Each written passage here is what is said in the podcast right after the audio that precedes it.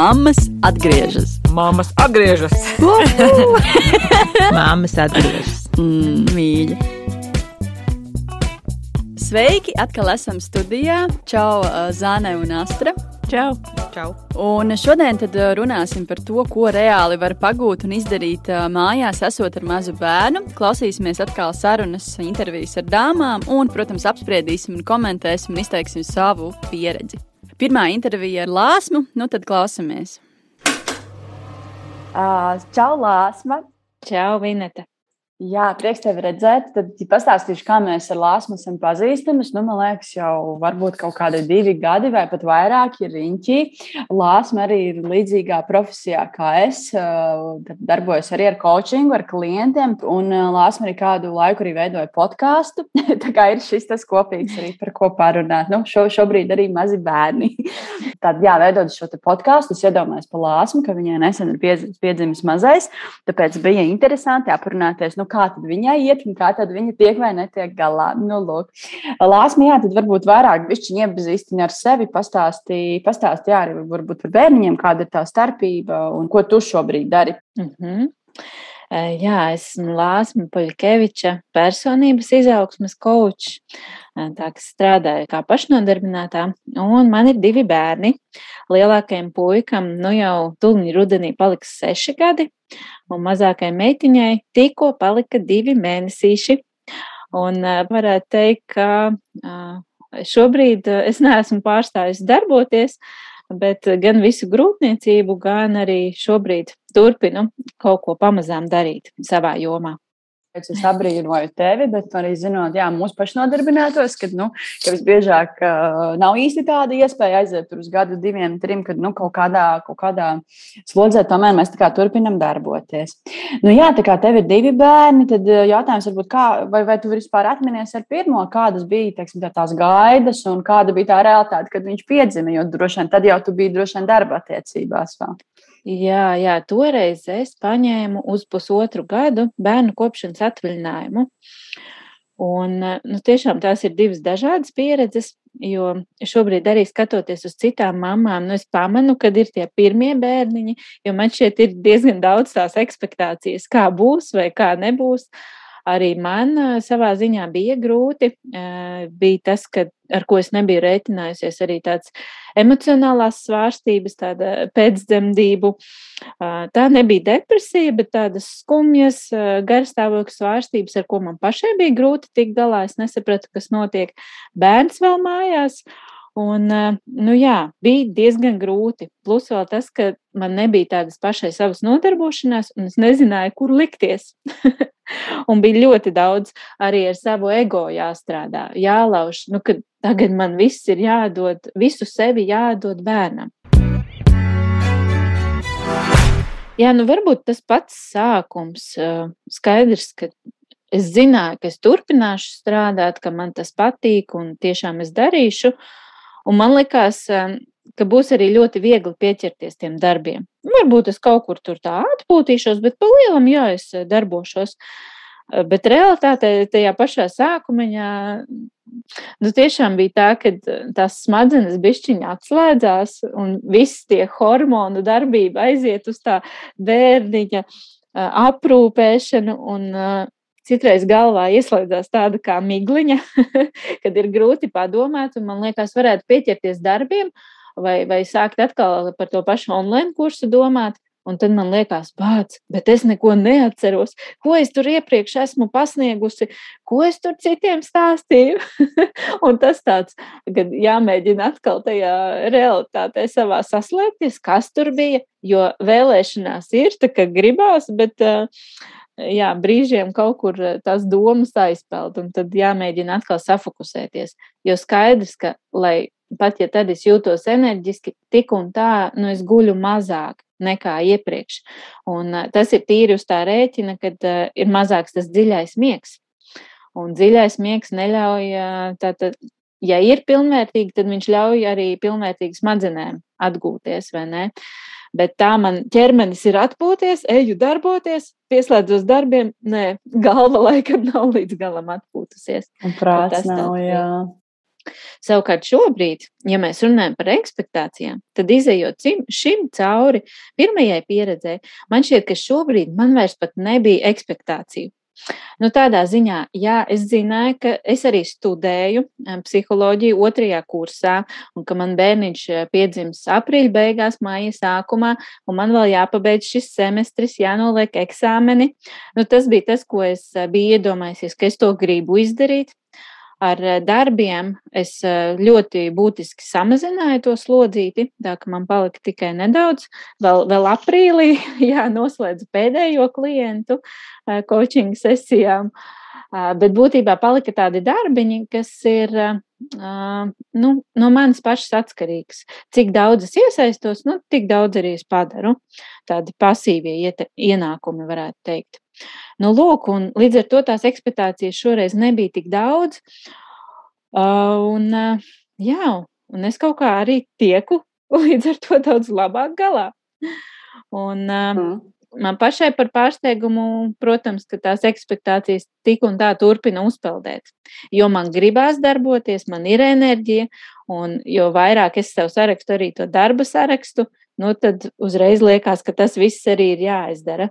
Tas ir tas, ar ko es pati cīnos ar sevi, ka nevajag likt tik lielus tos darbu sarakstus. Labāk, mazāk, bet visu paveikt, nekā šausmīt sevi domās, ka kaut ko es neesmu izdarījusi. Bet kā to paveikt? Jo nu, vienmēr mēs kaut ko gaidām, kaut ko iedomājamies. Nu, kā kā sevi nobremzēt, vai tev ir kaut kāds padoms, kā tu darīji? Kā es darīju? Es vairāk um, nevis ar to prātu domāju, kas un kā, bet es ļāvos uh, sajūtām, ko es būtībā pēdējā gada laikā esmu sevī noķērusi, ka ir labi būt šajā mirklī, man patīk sava dzīve, un uh, vairāk arī ļauties tai plūsmai. Ir mērķi, uh, bet tik ļoti varbūt arī tiem mērķiem nepieķerties uh, tādā ziņā, ka neizdomāt visus scenārijus, kā es viņus piepildīšu darīt, bet tas nekas, ja man šodien nesanāca izdarīt, tā tad es rītdien turpināšu ar to. Un tas pats, jā, arī arī īstenībā ar studijām. Um, es pati priecājos, ka ļoti daudz ko es jau izdarīju grūtniecības laikā. To pašu kursa darbu sarāvu un izdarīju pirms tam, jo skaidrs, nu, ka tas pirmais mēnesis bija tāda adaptēšanās, un uh, varbūt grūtāk bija atkal padomāt par tām pašām mācībām, bet tāpat laikā nu, es praktiski neizlaidu nevienu lekciju. Tā arī man bija baroja bērnu un klausījos lekcijas. Visu turpināju darīt sarunā ar Lāsu mēs dzirdējām to, ka cik Lāsma lieliski visu var paspēt arī ar mazu bērniņu, tātad gan studijas, gan darbs, kā pašnodarbinātāji. Šeit savukārt man tādas pārdomas, ka nu nevienmēr visiem un visām to vajag, Tas, manuprāt, nav obligāti tā tāds spiedoks, ja tu esi bērnu kopšanas atvaļinājumā, tev ir jāmācās vai kaut kas vēl jādara, jāstrādā, jo, ja tu atgriezīsies pēc tā pusotra gada vai diviem gadiem, tad tev būs caurums galvā, vairs nezināsi, kā strādāt. Manuprāt, tas vairāk ir atkarīgs no cilvēka, gribās vai negribās, tiešām tā kā no sirds. Nu, man ir tā, ka man tomēr kaut ko gribās. Uh, nav tā, ka man gribās tagad no rīta līdz vakaram kaut ko mācīties. Jā, es šobrīd mācos, un uh, kaut ko arī nedaudz darbojos ar klientiem. Bet es uzskatu, ka tomēr tas ir vairāk tā tāds, mm, nu, es teiktu, gandarījums varbūt vai. vai, vai Ne, nu tas ir tāds novērtējums. Man liekas, ka mājās ir grūtāk saņemt novērtējumu. Tev Bēbīts nepateiks, paldies, ka nomainīji man pampers 15 reizes dienā, jo es šodien kakāju daudz. Uh, tas, kāpēc es kaut ko daru, tas ir tāpēc, lai izietu no tās rutīnas, jo katru dienu šķiet vien, vienāda, un tā varbūt stunda, kad es varu novadīt tam klientam coachinga sesiju vai konsultāciju, es sajūtos, nu, kaut kādā ziņā varbūt noderīga un patīkama arī sev, un tas ir laiks savā ziņā varbūt arī man, kaut es to vēltu citam, bet tā ir tāda citādāka sajūta, jo visu laiku vajag būt par mammu. Nu, manuprāt, es sajuktu prātā, laikam, ja man tā būtu. Bet kā jūs, dāmas, domājat, vai obligāti visām sievietēm ir kaut kas jādara bērnu kopšanas atvaļinājumā, vai nevar vienkārši baudīt šo te, uh, burvību uh, ar bērnu un, teiksim, tā nedarīt neko vairāk kā tikai bērns plus mājas solis? Mm, nepavēlti, man liekas, arī tajā maslo piramīdā tāda pašrealizācija arī ir viens no augstākajiem līmeņiem, ko Jā, tu vari tas sasniegt. ir tas, par ko es raudāju Jā. pirmajos mēnešos un rādīju savam vīram Jānim to piramīdu, kad redzi, šis man šobrīd nav, šis man šobrīd iztrūkst. Nu, jā, tas ir tajā brīdī, tu, jau, tu viņā nonāc tikai tad, kad tev ir sasniegta vispārējie līmeņi, ir sapildīti. Jā, līdz ar to tas, es domāju, arī ir dziļi atkarīgs no tā bērna, no tās situācijas, kas tev ir mājās, un vispārējā tas nav, nu, tas ir ļoti, ļoti, ļoti cieši saistīts, un tu nevari sev reāli pašrealizēt tajā brīdī, ja tev, nezinu, jādomā par citām lietām, kas ir daudz būtiskākas vai varbūt, nezinu, svarīgākas, jā, kuras nav piepildītas līdz tam, līdz ar to. Un, eh, ja es atceros sevi pašu, tad, eh, nu, tas arī, man liekas, dziļi individuāli no cilvēka, kuram patīk un kurš grib mācīties, un kuram ir kaut kā iekšā tas dzinuls, ka tev vienkārši visu laiku kaut ko prasās, kaut kur kaut ko darīt un kaut ko uzzināt, vai, vai iemācīties, vai, vai nezinu, apmainīties viedokļiem vismaz vai kaut kā tam līdzīga. Un ir cilvēki, kuriem ir ļoti labi tā kā ir. Nu, viņam nav nekāda tāda iekšējā, tas iekšējais dzinulis vienkārši kaut ko mācīties, vai, vai kaut ko uzzināt, vai kaut kur paskatīties, vai painteresēties, kā tas strādā, vai kā tas nestrādā, vai tam līdzīgi. Ir cilvēki, kuriem ir pilnīgi pašpietiekama situācija ar to, kur viņš ir. Viņš var ļoti labi nodoties tajā, situācijā, kādā viņš ir. Un, man liekas, tas ir tas pats variants, ka tu nevari tāpēc prasīt mammai, pēc atgriežoties darbā, vai nu, viņa ir mācījusies vai nav mācījusies bērnu kopšanas atvaļinājuma laikā. Nu, tikpat labi viņa varbūt mācījusies, bet kaut ko pilnīgi citu izgājis. Floristikas kursus, nezinu, vēl kaut kādas citu veidu kursus. Bet tikpat labi tie varbūt ir kaut kādi profesionāli. Jo es, piemēram, arī ar otro bērnu arī nedomāju, ka tā būs, bet tā kā bija Covid, tad es uh, arī pieteicos tālmācības kursos, un, un arī bija meitai divi mēneši, un kad es arī online klausījos lekcijas, un, eh, un man pat bija jā, jāpiedalās tajos workshopos, kas nav tā, ka tu vienkārši tur paklausies un viss, bet eh, un sākumā es pat atteicos, jo es teicu, ka es nezinu, kā es to vispār varu savienot. Bet man tā sieviete no otras puses teica, nu, bet nu, viņš var pamēģināt, tāpēc, ka tas viss ir online, un es domāju, nu, tas ir vienīgais veids, kā es to izdarītu. Bet nu, pēc tam es pat ar pēc domāju, ka, kāpēc man to vajadzēja, kāpēc es to darīju, priekš kam man to, nu, tā kā divreiz nedēļā no sešiem līdz deviņiem vakarā vienkārši mājās ar ļambastu fonā, nu, tā, bet, nu, bet, eh, bet, nē, man to arī, nu, tā kā man gribējās, nu, negribējās, bet bija iespēja un tā sanāca, es to izdarīju. Bet tas nenozīmē, ka tas jādara visiem, un tagad es ar to kaut kur eju un baigi kādam pierādīt, ka tāpēc es esmu. Nezinu un darbdevējs novērtē to, ko tu biji izmācījusies? Nu, tas skaidrs, ka nē. Nu, ja es pat neteiktu, viņš pat nezinātu, kas kaut ko tādu dara. Līdz ar to tas ir par to, kā īstenībā sev pārdot. Aha. Klausoties tevī, es arī atcerējos to, ka nu, pirmos sešus mēnešus, kad Demils bija pavisam maziņš, tad uh, es tā kā neko nedarīju. Kaut kādu brīvo laiku es veltīju sev, tā kā priekš sevis, uh, nu, kaut kādu stundiņu, tur, piemēram, tā pati angļu valoda, lai es varētu atslēgties no visiem, vai tur uz masāžu aizskriet vai vēl kaut kur. Un tikai rudenī, kad cik Emīlam bija kaut kāda, varbūt, deviņi deviņi mēneši, kad man bija kā, kā jau spēki, resursi, tad es jau sāku kaut ko priekš citiem, nu, piemēram, ar klientiem lēnāk garā darboties vai par mācībām kaut kādām domāt. Nu, laikam tāds man bija tas, um, nu, tā ideja, ka kamēr man nav gana resursu priekš sevis, es nevaru kā, nu, nevien, nu, citam neko vēl papildus dot. Nu, tāda bija tā mana formula. Es nesen arī lasīju, ka tā nu, mammai tas laiks ar sevi vai tā atpūta nevienmēr skaitās. Nu, kā, gribās jau to sajūt, ka kā tu esi atpūties, ja tu esi bijis veikalā, tu esi bijusi, nezinu, tur vat, kursiņos un vēl kaut kur pie manikīra, vēl kaut kur. Bet tas viss neskaitās atpūta, ka atpūta skaitās nu, tiešām pilnīgs tāds eh, miers un laiks ar sevi, kas ir kaut kāda, nezinu, tur pastaiga vai kaut kāds tāds uh, laiks klusumā un mierā. Nevis, ka tā ir atpūta, ka tu esi veikalā ar pārtikas sarakstu un mēģini izdomāt trīs dienām ēdienkārt. Bet tas ir vienīgais veids, kā es varu aizbēgt. Ja man ir kalendārā ielikta angļu valoda, nu tad, piemēram, man Jānis vīrs zina, ka nu, tas ir rezervēts laiks, bet es nevaru rezervēt laiks gulēšanai savā kalendārī. Kā tas izklausīsies? Vai kaut kāda reāla iemesla? Nu, tu pasaki, jā, ka tev ir randiņš mežā ar kokiem.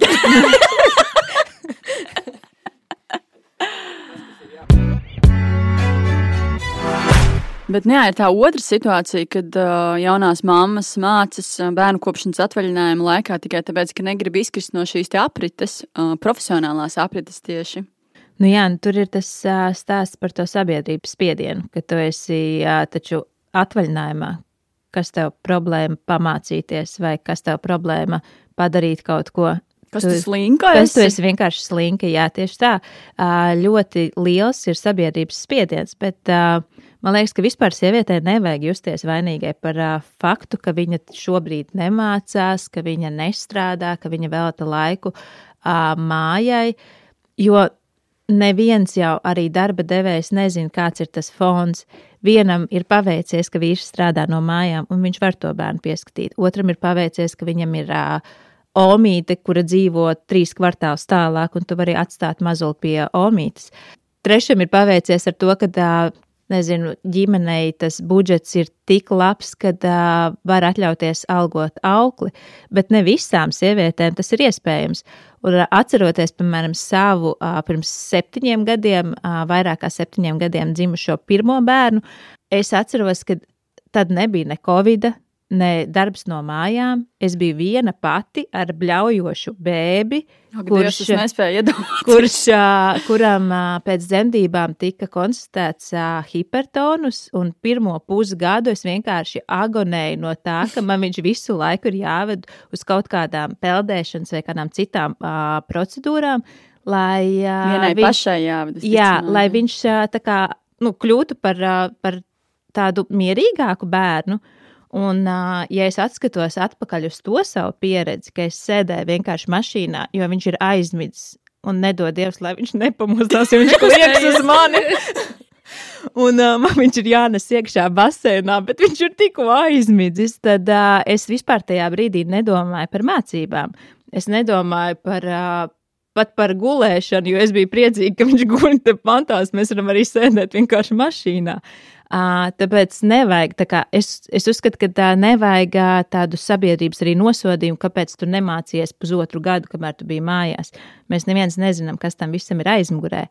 Ar otro un trešo bērnu es mācījos ļoti daudz, bet tā bija pilnīgi cita pieredze. Tā skaitā arī Covid, tā skaitā arī vīrs mājās. Un, un tas, protams, ļoti, ļoti atvieglo ikdienu, kad tu vari aiziet uz veikalu uh, mierīgu sirdi viens pats, jā, nevis uh, rati pārbāzti ar kartupeļiem un gurķiem. Ārā. Un, jā, un tu stumies vienkārši pa kādām kupenām, jo tu nezini, cikos uh, vīrs atbrauks no darba mājās. Uh, tas ir divas dažādas pilnīgi pasaules. Jā. Nākamā intervija ar Leldi no Ādažiem, uh, tad klausamies viņas pieredzi.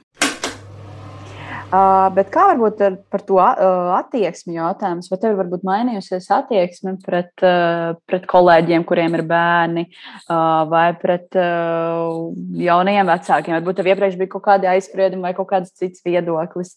Varbūt tev bija iepriekš cits, cita, um, kā tev pateikt, cits viedoklis par tām mamām, kuras negrib atgriezties darbā un grib ilgāk palikt katu, vai ir kaut kas mainījies? Jā, ir ļoti daudz mainījies. Manuprāt, man, man darba kolēģei ir divi bērni.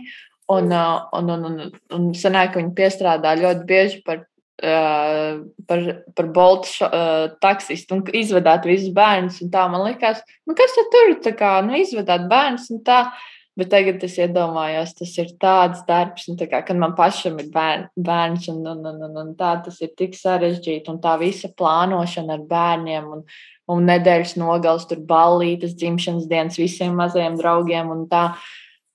Wow, tas ir vienkārši nenormāls darbs. Man vispār, es nezinu, man kaut kā liekas, būt par mammu, tas ir tāds, nu, tev ir bērns un viss, nu, tā kā, tu esi mamma. Jā, jā, bet tagad e, es abrīnoju uh, vecākus, kuriem ir dvīņi, un es abrīnoju vientuļās mammas es nezinu, kā viņas to paveic. Tas ir wow. Nu, es, es līdz šim pat nebiju iedomājusies, cik tas varētu būt grūti būt mammai. nu, kā saka, tā kā darba, jā, kā es teicu, darbam ir darba laiks 9,5, bet mammai Nav darba laiks, nav sarkanie datumi, nav brīvdienas. Dzimšanas dienā tāpat tās būs astoņos no rīta jāceļās un, un, un jāsāk diena, vai tur svētdienas rītā arī būs astoņos jāceļās. Nu. O, jā. Nu, vēl kaut kas, ko tu gribēji padalīties? Jā, pēdējā lieta par palīdzības prasīšanu. Tas bija ļoti grūti, un man vēl joprojām tas ir grūti. Man nepatīk būt apgrūtinājumam citam, citiem cilvēkiem, pat, nu, vai arī kā es uzprasīšu palīdzību un patiešu gulēt, atpūsties. Nu, kā, kā, es, kā es tā varu? Un, un, un tas arī bija ļoti grūti. Un uh, tad es, uh, nu, jā, es saprotu, ka, ja es nepr neprasīšu palīdzību, tad, tad, tad es vienkārši sajūgšu prātā. Nu, man vajag to stundu vai pusotru stundu palīdzības. Un tad labi, ka man ir mamma, labi, ka man ir divas jaunākas māsas, kuras uh, var atskriet un var palīdzēt. Un tad uh, vienkārši, kad es jūtu, ka man šī ir izbraucis ciet, ir WhatsApp grupā, hei, kura var atbraukt palīgā. Un tad, nu, tad, tad tā, bet Bet tas man ļoti grūti nāca, jo, jo man liekas, nu, kā es varu prasīt palīdzību. Tas taču ir mans bērns, man ir jātiek ar viņu galā. Nu, nu, kā, nu, kā es to varu prasīt kādam palīdzību? Bet tas, man liekas, arī ir tikai pēdējais. Nu, mūsu paudzē, tā man liekas, mūsu mammas arī neprasīja palīdzību, un vēl pirms tam arī neviens neprasīja palīdzību, jo tas ir sievietes darbs, tik galā ar savu bērnu. Un tad tagad tas nu, sāk palikt aktuāli prasīt uh, palīdzību, un tas tiešām ir jāizmanto jebkurai. Tās, kuras var un ir iespēja, tām ir jā, jāprasa palīdzību. Jo kā bija tas teiciens, ka izaudzināt bērnu vajag veselu ciematu. Man liekas, kaut kas tāds bija. Nu, jā, tā ir jā, jā. Nu, forši, jā, ka tu prasi palīdzību, un forši, ka tev ir tāda atbalsta komanda. Bet īstenībā, cik es redzu, lasu un dzirdu, ka nu, tā ir problēma mūsdienās lūgt to palīdzību, jo bieži vien ir kā, nu, tas, tas, kas visu varu pats izdarīt, un tā vainas sajūta lūgt kādam palīdzību. Man liekas, ka uh, arī darba devēji, kā mēs dzirdējām, um, nevar īsti ignorēt faktu par to, ka uh, sieviete ir kļuvusi par māti. Uh, tas darbs, mēs visi zinām, ka tas ir tiešām darbs mājās. Nezinu, uz, uz bālītes atcept pīrāgus kaut vai. Vai kaut vai aizbraukt viņiem pakaļ uz veikalu. Attiecīgi, ja kāda no pusēm uh, ignorē faktu, ka kaut kas dzīvē ir mainījies, respektīvi, ir piedzimis bērns, tad tur var sanākt kaut kāds ČP. Kā jūs par to domājat? Nu, viennozīmīgi, protams, tas maina ļoti daudz ko. Uh, tas ir mainīgais apstākļus, jo skaidrs, ka nekas droši vien svarīgāks dzīvē īstenībā par vēl vienas jaunas dzīves būtnes ienākšanu nav kas nozīmē to, ka tas ļoti daudz ko maina. Eh, un tāpēc varbūt arī labi, ka Latvijai ir tā iespēja, ka tu vari to bērnu būt kaut kādu laiku kopā, ilgāku laiku nekā Briselē. Eh, kad tev vismaz ir iespēja drusku vairāk adaptēties tam nu, pasākumam kā tādam, bet tas nemaina to, protams, ka bērns aug un tas mainās arī tās viņa aktivitātes, uz kurām tev jāpaspēj un jādara lietas līdz ar to. Bet no otras puses, protams, darba devējiem skaidrs, ka viņam jau vajag to sievieti pa lielam dēļ tā, ka viņi strādā. Un tad droši vien tur sanāk tas brīdis, jā, kad viņiem ir kaut kāds dialogs, atkal jāveido, kad tu mēģini saprast, eh, kāds ietekmē to tavu dzīvi.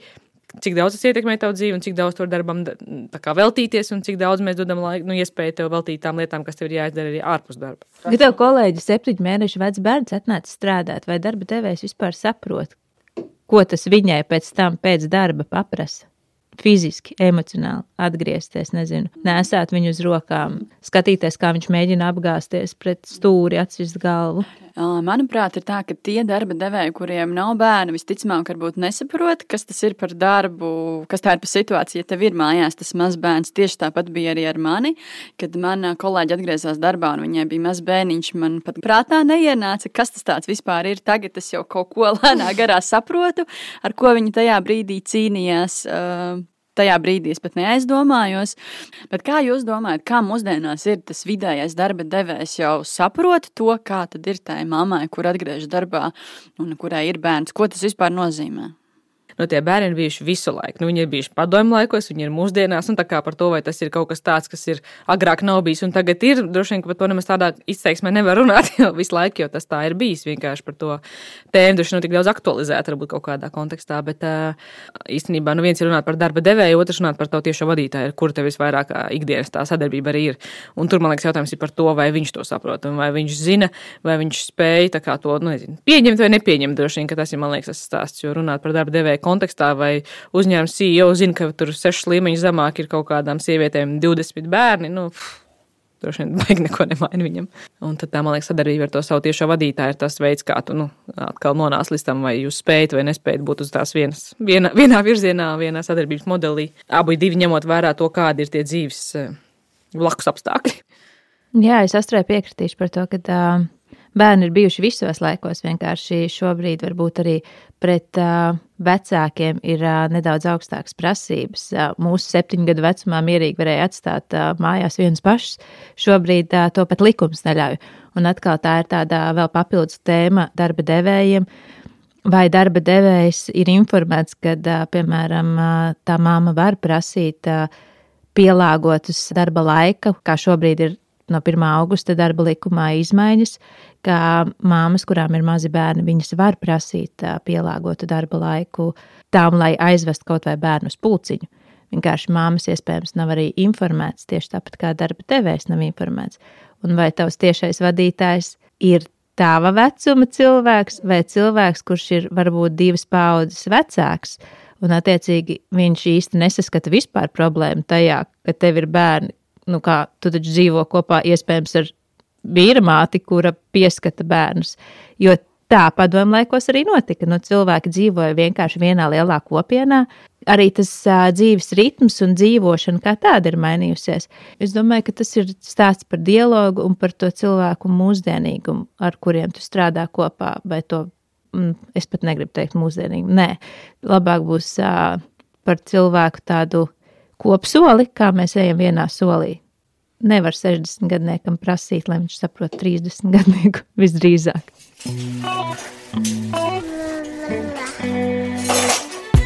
Mammas atgriežas. Māmas atgriežas.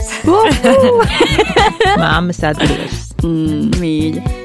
Šeit man gribētos atgriezties pie tēmas, ko, kuru mēs bijām publicējuši īstenībā pirms kāda laika LinkedIn aptaujas veidā. Mm, no mūsu pirms darba podkāsta profila bijām jautājuši gan darba devējiem, gan jaunajām mamām, gan citiem iesaistītajiem par bērnu kopšanas atvaļinājumu. Tad jautājums tika noformulēts tā, kāds ir darbinieces pienesums. Šis būtu, piemēram, profesionālie rezultāti, darba sniegums. Pirmajā gadā pēc atgriešanās no bērnu kopšanas atvaļinājuma, salīdzinot ar laiku pirms šī atvaļinājuma. Nu, lūk, kopumā nobalsoja 173 cilvēki.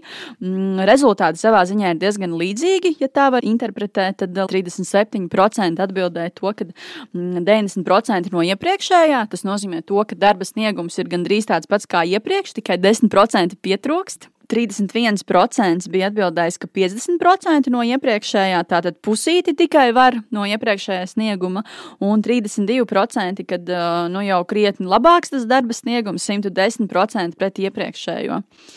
Nu, tādi rezultāti. Nu, es jau smejoties teicu par to 90%. Tas ir 10% ir darba laika slimības lapas, tāpēc novērtēju uz 90%. Bet, ja tā nopietni, es domāju, ka tas ir ļoti atkarīgs no kolēģi expectācijām un pašas māmas varbūt kaut kādiem nākotnes plāniem.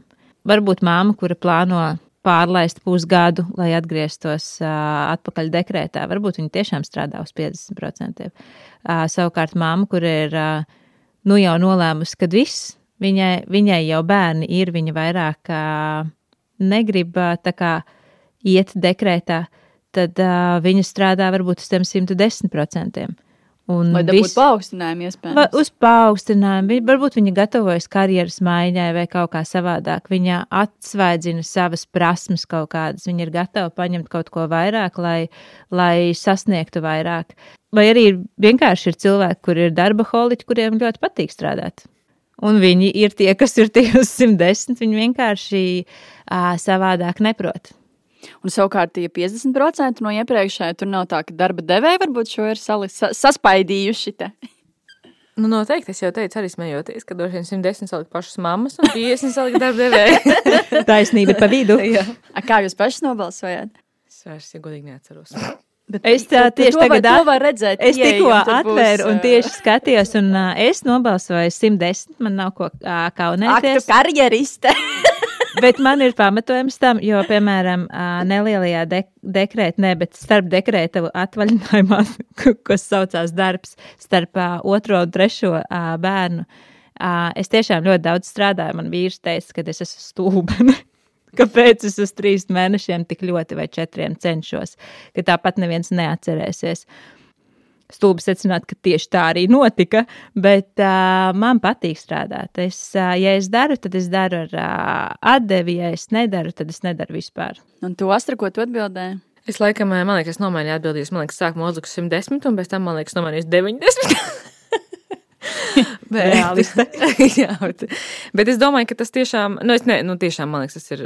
Šī saruna vispār būtu jāsāk no tā, ka, kas ir 100% un kā viņas novērtēt, lai varētu vispār secināt par to, kas ir 110 un kas ir 90. Tas jau ir tavs vērtējums. Nē, nē, protams, bet nu, arī mans iekšējais vērtējums arī būtu par to, ka es gribētu ļoti nu, skaidri zināt par to, ka, nu, tā kā iedomājieties, kāda ir. Nu, 100% strādā katru dienu darbā noteikti darba laiku ar uh, pilnu atdevi. Ja 110, tu paņem darbu mājās un, attiecīgi, izstrādā nu, tad mājās slimības lapu laikā.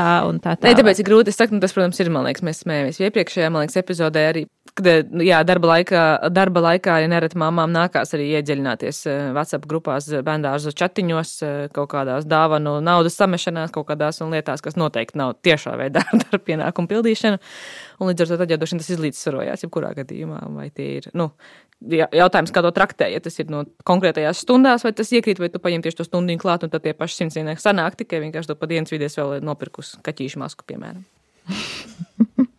Nu, es arī biju nobalsojis, ka 90% no iepriekšējā, jo es tāda realiste, un man jau šķiet, ka nu, es nevarēšu vairāk tā rukāt, kā es iepriekš esmu to darījusi. Vai arī negribēšu. Un tu ies mājās četros. Es varbūt strādāšu no mājām, nekur neiešu. Bet redz, tu optimizēsi savu, uh, efekt, nu, ef efektivizēsi savu uh, darba laiku, jo tu nebrauksi uz darbu, nebrauksi Jā. no. Uh, tas nozīmē, ka, ka tu strādāsi iespējams to laiku, ko tu būtu pavadījusi braucot uz un braucot no. Un jūtas pusdienu, pusdienu vietu. Jā. Jūs tagad gribat man te kaut ko Mēs gribam, es pārliecināt, pierādīt to 110%. Es tomēr domāju, ka tie 110 tā, sievietēm, kuras, nu, tā kā viss atgriežas, atgriežas, pavisam atgriežas, māmas atgriežas, tad uh, tie 110 ir ļoti bieži. Varbūt, nezinu. Un tagad klausāmies vēl vienu interviju ar Simonu. Vēl man personīgi ir grūti samierināties vēl joprojām. Es gan cenšos ar sevi strādāt. Man ir grūti samierināties ar to, ka vairs mans laiks brīvais nav tikai mans. Mm -hmm. Kad uh, man, piemēram, es nevaru sakrāvēt somas un aizskriet uz veikalu. Es, protams, to varu izdarīt, bet tas nebūs pieci minūšu laikā. Tas būs kamēr apģērbšos es, kamēr apģērbšu bērniņu, kamēr nomainīšu pamperu, kamēr es viņu ielikšu ergosomā, piemēram. Tas varētu būt ātrākais variants ja jāiet ar ratiem, tad, protams, tas aizņem daudz ilgāku laiku. Nu, lūk, šie aspekti, mm, tas, tas man ir tāds mm, traumējošākais, laikam, ja tā var izteikties, varbūt pārāk skarbi, jo es esmu cilvēks, kuram patīk visu savu, kad ir viss saplānots, bet šeit vispār nav plāna. Mm. Pilnīgi nekāda, un es joprojām cenšos ar to mm, samierināties, laikam tā. nu, tas tā kā laikam būtu uh, jā, tas, tas, tas, par ko es uh, domāju. Labi, man daži papildu jautājumi. Jā, tu minēji šo sporta zāli un attiecības ar vīru un to šo brīvo laiku. Uh, jā, tad tu minēji sarunu sākumā, kad tu domāji, ka tev tā kā, vai es pareizi sapratu, ka tu sarunu sākumā minēji, ka tev būs daudz šī brīvā laika, ka tev piedzims mazais, vai ne? Bet jā, izrādījās pavisam citādāk. Ja? Jā, tieši tā. Jo nu, es, nu, es zināju, ka tas brīvais laiks droši vien nebūs tik daudz, kā, kā man bija iepriekš. Bet, bet nu, viņš vispār nav. nu, ja ir, ja, ja ir un, un ir ar bērniņu, piemēram, kad kaut kur jādodas, jāņem līdzi ir bērniņš, bet nu, tad nevienmēr ne izdodas, teiksim, uh, uh, izdarīt to, uh, ko es gribu izdarīt tajā savā brīvajā laikā. Un tam mhm. līdzīgi. Mm. Nu, ir, ir ļoti jāplāno. Nu, es gribu vienkārši teikt, to, ka nu, nevar izskriet ārā. Ja tā vienkārši un arī īstenībā es saku, ir jāplāno, bet arī grūti ir saplānot, jo nevienmēr bērniņam patīk mani plāni, ko es esmu saplānojis, kur es gribu doties un cik ilgi un ar ko. Un tad bieži nākas uh, pastaigas vidū kaut ko atcelt vai tikšanās vidū. Um, vienkārši teikt, ka um, es atvainojos, man ir jādodas projām. Nu, ir bijušas arī tādas situācijas. Nē, protams, cilvēki ir saprotoši un uh, tas, tas viss ir skaidrs. Vienkārši es uh, piecu mēnešu laikā vēl līdz galam laikam neesmu pie tā pieradusi un vēl cenšos uh, strādāt pie tā, mm -hmm. pie savām emocijām, lai to pieņemtu līdz galam tas man ir tāds smags brīdis.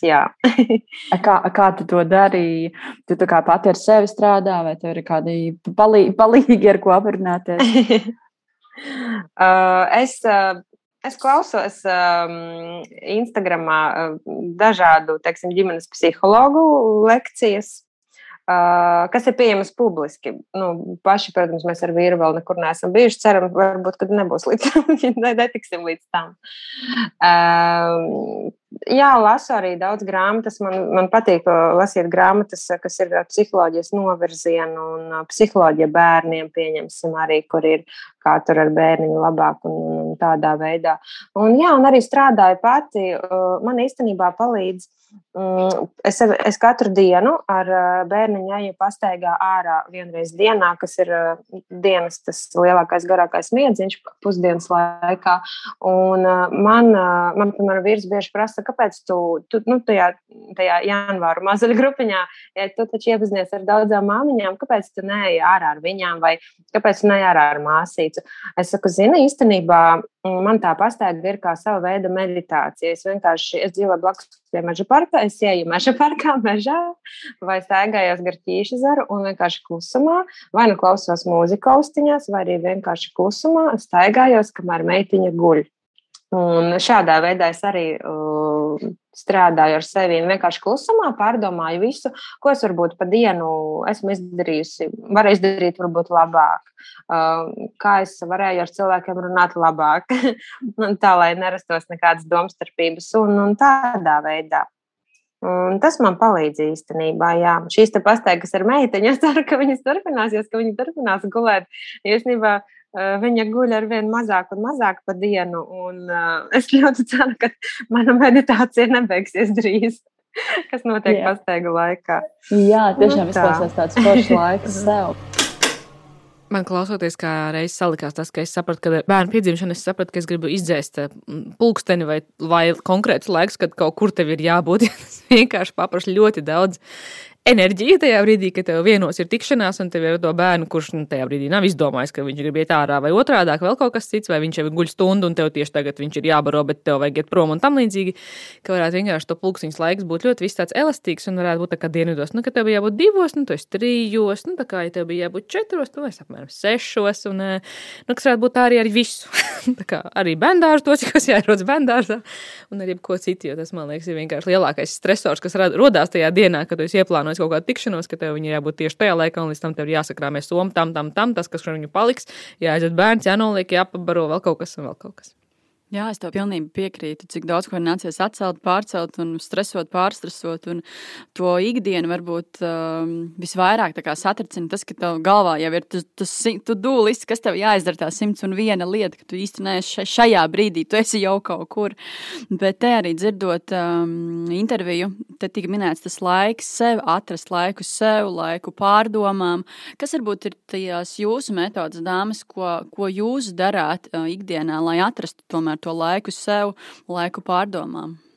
Es noteikti, kad uh, priekš sevis uh, esmu atradusi laiku tikai un vienīgi esot viena pati, vai nejūt staigāt, skriet. Ļoti laba vieta, kur būt vienam, vienam, vienam ir mašīnā. Pats sēžot korķos, es nekad nebiju iedomājies, ka es izbaudīšu sēdēšanu korķos pirms bērniem, bet šobrīd, ja es braucu pēc viņiem, tad tas ir tāds laiks padomāt. Noteikti priekš sevis tāda vēl viena lieta, ko es esmu atklājusi. Nekad nebiju domājis, ka tā notiks, bet es mašīnā neslēdzu iekšā ne mūziku, ne radio.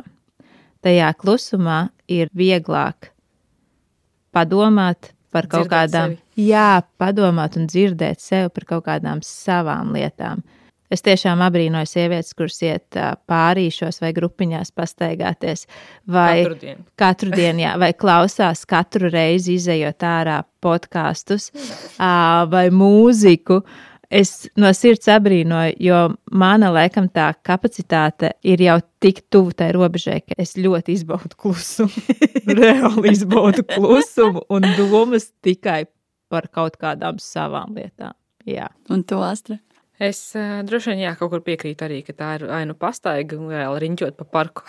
Vienkārši. Uh, un tas var būt tikpat labi īstenībā, jā, tas brīdis arī, kā Simonai bija par ar tiem, kaut vai ar attiem, ka tu zini, ka viņš guļ un tu zini, ka, fuh, tev ir iespēja vismaz tās 40 minūtes cerību, varbūt vairāk, varbūt izvilkt stundu 20. ka tu vari būt jā, ar sevi un vienkārši skatīties, vienkārši, ko galotnēs, un, un neko, citu, neko citu nedomāt, un nedarīt, un ne, neplānot kaut ko, vai, vai pat ja arī plānot, bet dzirdēt sevi, ko tu no tā visa gribas aplānot, vai kaut kā tam līdzīgi. Vai arī Otrs variants man nereti ir īstenībā arī kaut kādā. Tie brīži, kad eh, bērni guļ, bet mājās, kas nozīmē to, ka tas var, var būt netīšām, ja es pamodos, esmu ātrāk par viņiem, un tu zini, ka ir miers un klusums, un ir rīta kaut kāds brīdis. Vai varbūt, ja viņi laimīgā kārtā guļ, un, un tu vēl neesi arī aizmidzis, varbūt tad, bet nu, vakars ir grūtāks, jo tad jau ir vakar sagurums, bet, eh, bet jā. Noteikti. Jā, es piekrītu Astrais arī uz darba ceļos sešos, un tad es veltu 45 minūtes sev klusumā, bez uh, visiem, kur ir jāsaģērb, nezinu, uzkrāsoties, uh, izdzert klusumā kafiju, padomāt par to, kas es esmu un ko es tagad daru. Tas īstenībā ir itīgi forši. Jā. Nu, man laikam ļoti līdzīgi. Um, top viens laikam pastaiga ar ratiņiem, kad Emīls guļ. Uh, jā, vienkārši vērojot dabu un uh, dažreiz klausoties podkāstus, dažreiz neko neklausoties. Otrajā vietā es laikam liktu darbs ar koču, jo, kad Emīlam bija kaut kāds mēnesis vai divi, es atsāku darboties ar koču un uh, vēl joprojām to daru. Tā ir tāda tā stunda, kad es varu nu, runāt, izrunāties, un uh, mani uzklausa, un tad uh, pastāsta, ko es esmu teikusi, un tad es saprotu, ah, nu tad šitā man iet. Tas noteikti. Un vēl kā es smējos, mums ar vīru arī tāds jociņš, um, nu, es aizbraucu uz veikalu dažreiz, um, es saku, ka es braukšu retrītā uz apelsīnu, mums atdažos ir tirzniecības centrs, tāds neliels apelsīns, un tad es uz turieni aizbraucu, dažreiz iet tur grāmatnīcā, šo to nopērku Rimčikā, nu, tas ir mans retrīts. Bet tas ir varbūt arī tas brīdis, kad sieviete, esot dekrētā, var uh, nonākt pie tām savām atziņām, ko tad viņa grib dzīvē darīt un kas viņa grib būt dzīvē bez mammas, sievas un varbūt darbinieka tajā darbā, kurš nepārāk patīk. O, jā. jā. Nu jā, tātad rezumējot mūsu šodienas diskusiju un dzirdētās intervijas, būšana mājās ar mazu bērnu, vienam tas ir vieglāk, otram grūtāk, un šis arī tāds lielisks laiks pārdomām, saprast, ko tad varbūt īsti gribi vai negribi, atgriezties darbā vai neatgriezties, varbūt vispār mainīt profesiju. Tā kā paldies dāmas jums, un tad tiekamies citreiz. Mammas atgriežas! Māmas atgriežas. Māmas atgriežas. Mm, mīļi. Nu, jūs noklausījāties pēdējo no manām veidotajām trim epizodēm, un nākamās būs Zanes veidotās.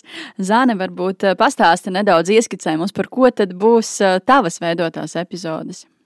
Vai manas epizodes būs par tādu ļoti kutelīgu tēmu, kas ir strateģiskā grūtniecība. Uh. Uh, respektīvi par to, kā sievietes un arī vīrieši pieņem lēmumu un kurā brīdī pieņem lēmumu par uh, grūtniecību, par iešanu dekrētā, par dekrēta naudām un uh, visu pārējo. Manuprāt, būs ļoti, ļoti interesanti. Tā tad būs par schēmošanu, un būs droši vien padomi, un, un, un nu, tas vēl būs iespējams par schēmošanu. Bet, uh, manuprāt, par plānošanu. À, nu labi, labi, par plānošanu. Nu tad gaidīsim. Paldies, paldies, ka klausījāties un tiekamies nākamajās epizodēs. Atā! Atā! Čau!